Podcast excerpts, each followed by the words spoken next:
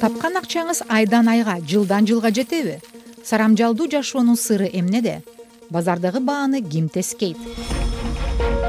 Экономика татаал статистика. Чаташкан сандар деп ойлосоңуз элдик экономика подкастында аларды жөнөкөй тилде чечмелеп беребиз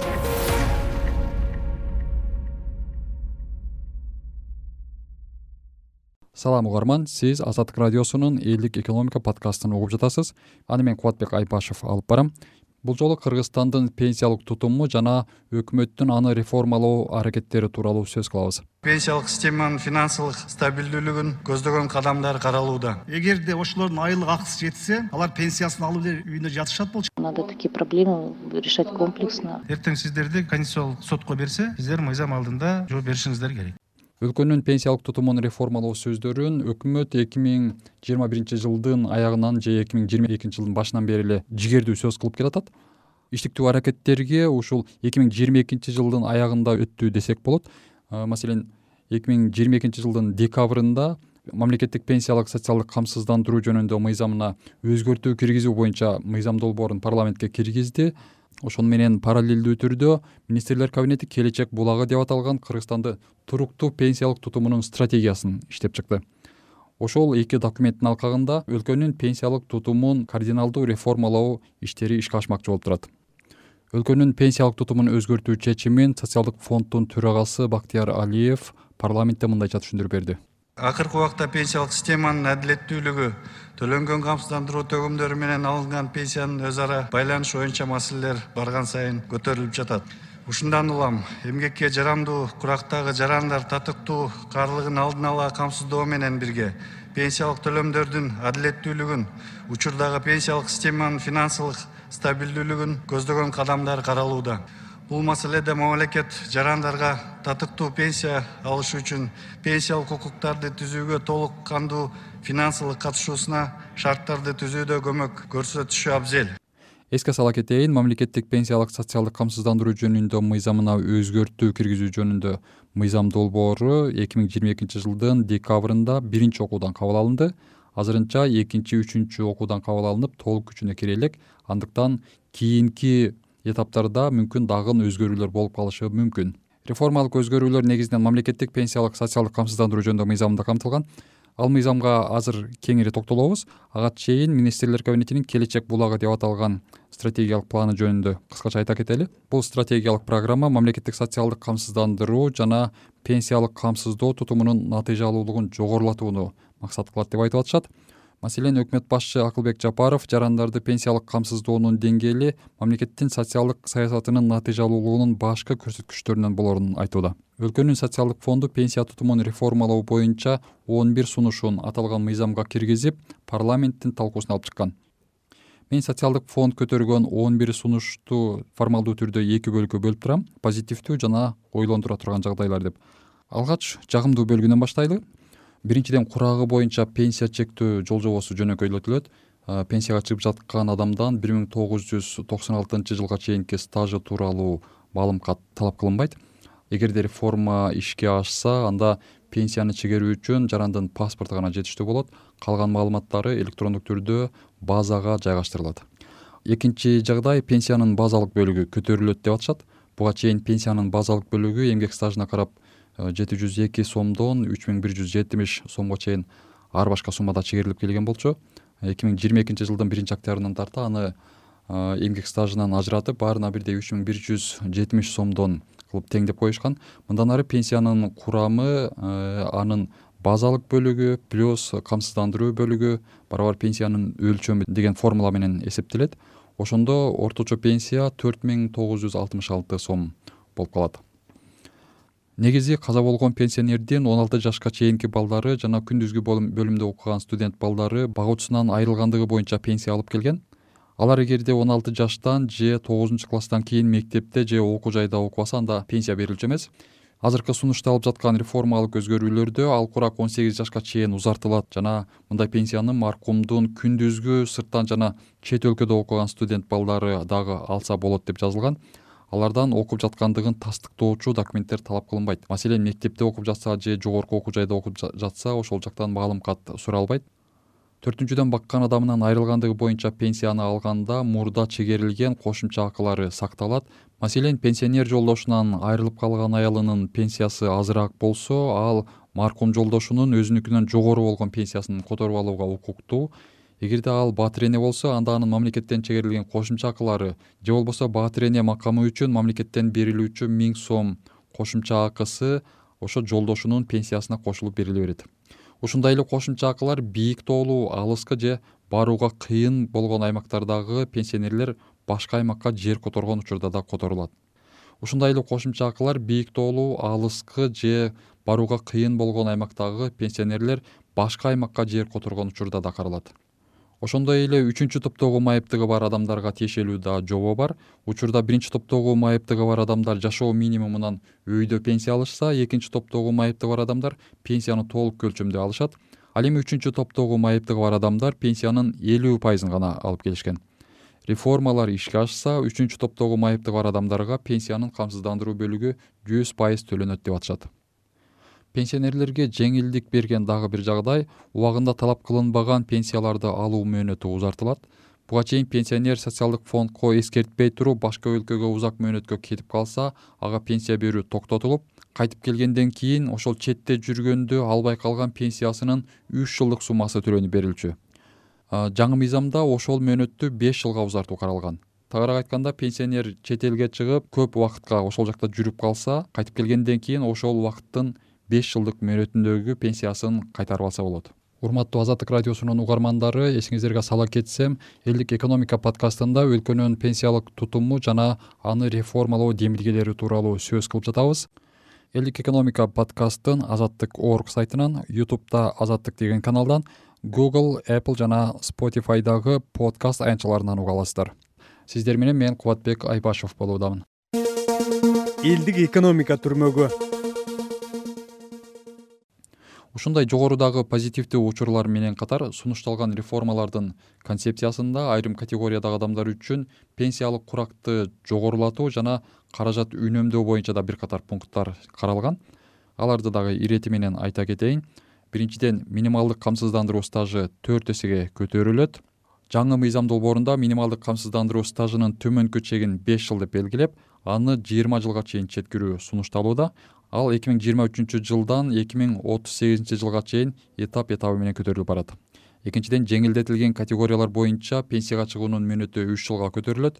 Учурда бийик тоолуу аймактарда жашаган эркектер элүү беш жашта аялдар элүү жашта жеңилдетилген шартта пенсияга чыга алышат. Эгерде мындай аймакта жашаган аялдар үч балалуу болсо анда алардын пенсияга чыгуу мөөнөтү дагы беш жылга төмөндөйт.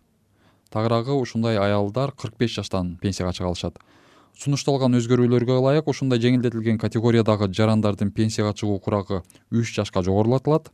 Тагыраагы эркектер элүү сегиз жаштан аялдар элүү үч жаштан пенсияга чыга алышат. Сунушталган өзгөрүүлөргө ылайык ушундай жеңилдетилген категориядагы жарандардын пенсияга чыгуу курагы үч жашка жогорулатылат. Ошондой эле аракеттеги мыйзам боюнча отуз жылдан ашуун эмгек стажы бар эркектер алтымыш жаштан жана жыйырма беш жылдан ашуун эмгек стажы бар аялдар элүү беш жаштан пенсияга чыгууга укуктуу соцфонд ушул өңдүү мөөнөтүнүн мурда пенсияга чыгуунун түрлөрүн эки миң жыйырма бешинчи жылга карата жалпы пенсиялык куракка теңдөөнү демилгелейт. Жалпы пенсиялык курак деген эркектер алтымыш үч жаштан аялдар элүү сегиз жаштан пенсияга чыгышат дегенди билдирет. Мамлекеттик жана муниципалдык кызматта иштеп жаткан пенсионерлердин пенсиясынын базалык бөлүгү иштеп турган учурда убактылуу токтотулуп турат. Ага иштеп жаткан жеринен маянасы менен пенсиясынын камсыздандыруу бөлүгү берилет эгерде мындай пенсионер мамлекеттик же муниципалдык кызматын тапшырып өз учурунда пенсияга кетсе анда пенсиянын базалык бөлүгү менен камсыздандыруу бөлүгү толук түрдө берилет. Мамлекеттик жана муниципалдык кызматта иштеп жаткан айымдардын пенсияга чыгуу курагы өзгөртүлөт тагыраагы алардын пенсия курагын элүү сегиз жаштан алтымыш жашка чейин көтөрүү сунушталууда. Ага ылайык эгерде мамлекеттик же муниципалдык кызматкер айым пенсияга өз убагында чыгууну кааласа анда курагы боюнча элүү сегиз жаштан эгерде ошол кызматын улантып иштей бергиси келсе анда алтымыш жаштан чыга алат социалдык фонд пенсияга чыгуунун жалпы курагын негизинен көтөрбөйбүз деп атат. Бирок ушундай сыяктуу айрым категориялар үчүн пенсиялык куракты көтөрүү жагдайлары каралган ушуларга кошумча дагы бир бонус иретинде айта кетүүчү жагдай бар. Бул каза болгон пенсионерди көмүүгө берилүүчү каражаттан каралууда. Буга чейин каза болгон пенсионерди көмүү үчүн соц фонддон он жети миң сегиз жүз сом бөлүнчү ал пенсиянын базалык бөлүгүнүн он эсесин түзчү. Октябрь айында пенсиянын базалык бөлүгү үч миң бир жүз жетимиш сомго көтөрүлгөндөн кийин бул сумма отуз бир миң сомдон ашкан. Пенсиялык реформалардан алкаганда ал мындан ары эсептик көрсөткүчкө байланып жыйырма миң сомго кайра түшүрүлөт урматтуу угармандар эми ушул сунушталып жаткан өзгөрүүлөргө эл арасында кандай пикирлер айтылып атат ошого да көңүл бура кетсек маселен парламентте ушул мыйзамга карата бир катар сын пикирлер да айтылды. Алар көбүнчөсү ошол айрым категориядагы пенсионерлердин жаш курагын көтөрүү же болбосо айрым пенсионерлердин эсебинен акча үнөмдөө жагына көңүл буруп атышат да. Маселен депутат сүйүнбек өмүрзаков соц фонд ушундай демилгелери менен бюджетти үнөмдөө максатын гана көздөп жатканын айтып ал пенсионерлердин укуктарын чектеген ушундай жагдайларга көңүл бурууга чакырып кетти. Анын сөзүнө көңүл буруп угуп көрсөк. Бул жерде пенсия тараптан биз үнөмдөбөшүбүз керек да акчанычы. Биз аларга кайрадан кошушубуз керек пенсионерлерге. Пенсиялык ала турган акчаларын. Биз инвестор табышыбыз керек завод фабрика иштешибиз керек. Биз ошол жакты карап акчаны кантип көбөйтсөк болот деш керек. Анан пенсия алып аткан пенсионердин акчасын бул жерде бир укугун тебелеп аларды кармабашыбыз керек реформалар ошондой багытта алып кетип атасыздар сиздерчи?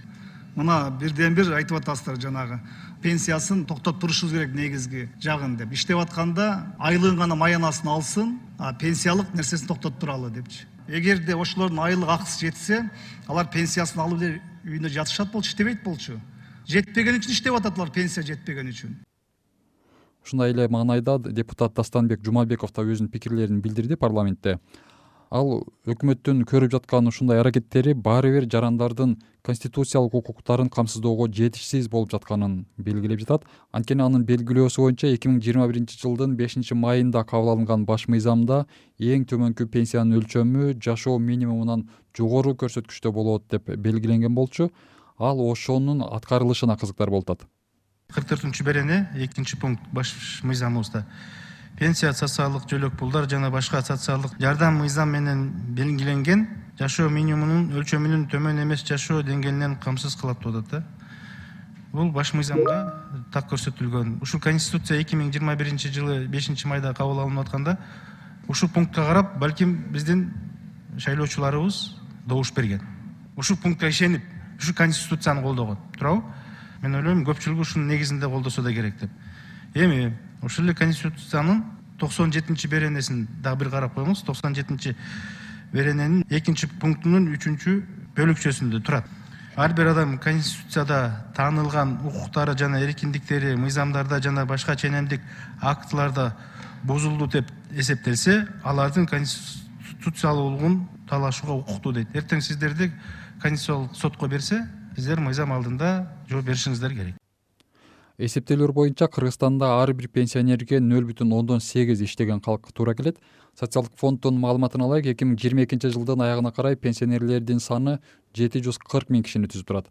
Өлкөдө жалпы иштеп аткан калктын саны болсо бир миллион төрт жүз миң киши болууда. Анын ичинен реалдуу сектордо иштеп социалдык төлөмдөрүн төлөп аткандар алты жүз элүү миң кишини түзүп турат. Социалдык төлөмдөрдүн токсон жети пайызы реалдуу сектордогу ошол алты жүз миң кишиге туура келсе үч пайызы бейформалдый сектордо иштеген калган ушул сегиз жүз миң кишиге туура келип атат ошондуктан кыргыз өкмөтү фискалдык реформалоо аркылуу көмүскө экономиканын үлүшүн азайтуу салык менен социалдык камсыздандыруу төгүмдөрүн төккөн адамдардын санын арбытуу аракетин көрүп жатканын айтууда да. Ал эми эксперттердин пикирине көңүл бурчу болсок алар пенсионерлердин эсебинен акчаны үнөмдөп же болбосо алардын жаш курагын көтөрүү аркылуу эмес ошол колдо болгон акчаны же мамлекеттик бюджетти сарамжалдуу пайдалануу аркылуу дагы ошол пенсиянын көлөмүн өстүрүүгө боло турганын айтып атышат. Мисалга алсак пенсиялык система боюнча эксперт жамила тогузбаева жеңилдик берген категорияларды жоюу менен тескерисинче турмушу жашоо минимумунан төмөн болгон жакыр калктын саны көбөйөт деп эсептеп атат. Ал пенсионерлердин бюджетин үнөмдөөдөн башка дагы бир катар натыйжа алуу жолдор бар экенин айтат. Ага да көңүл буруп көрөлү вот когда мы бы предусмотрели бы альтернативу этим пенсиям жеңилдетилген пенсияга альтернатива болгон жаңы жумуш орундарын ачып маянаны көбөйтө турган чараларды аткарсак анда туура болмок. Негизги максаты пенсияны кесип пенсиялык фонд менен каржы министрлигинин бюджетин үнөмдөөгө коюп. Бирок ал жарандар кантип жашаарына кайдыгер карабай мындай маселени комплекстүү чечүү керек. Мен жеңилдетилген пенсияны азайтуу чаралары жумуш орундары жетиштүү калкынын жарымынан көбү орточо айлык алган өлкөдө жакшы болмок деп эсептейм. Пенсияны каржылоону түз жүргүзбөй инвестициялап көбөйтүү вариантын карап чыкса да жакшы болмок. Пенсиялык системага такыр салым кошпогон ишканаларды көмүскөдөн чыгаруу жана топтомо пенсиялык фондко чогулган каражатты натыйжалуу башкаруу варианты дагы көңүл чордондо болушу керек. Предприятий предпринимателей которые вообще не платят взносы эсептөөлөр боюнча кыргызстанда ар бир пенсионерге нөл бүтүн ондон сегиз иштеген калк туура келет. Социалдык фонддун маалыматына ылайык эки миң жыйырма экинчи жылдын аягына карай пенсионерлердин саны жети жүз кырк миң кишини түзөт. Өлкөдө жалпы иштеп аткан калктын саны бир миллион төрт жүз миң киши болсо анын ичинен реалдуу сектордо иштеп социалдык төлөмдөрүн төлөп аткандар алты жүз миң кишини түзүп турат. Эл аралык стандартка ылайык бир пенсионерге кеминде үч жумушчу туура келиши керек. Мындан аз болсо пенсиялык системанын туруктуулугуна доо кетет урматтуу угарман сиздер азаттык радиосунун элдик экономика подкастын уктуңуздар. Бул жолу сиздердин назарыңыздарга өкмөттүн өлкөнүн пенсиялык тутумун реформалоо аракеттери тууралуу баянды сунуш кылдык. Элдик экономика подкастын азаттык орг сайтынан ютубта азаттык деген каналдан google apple жана spotifydагы подкаст таянчаларынан уга аласыздар.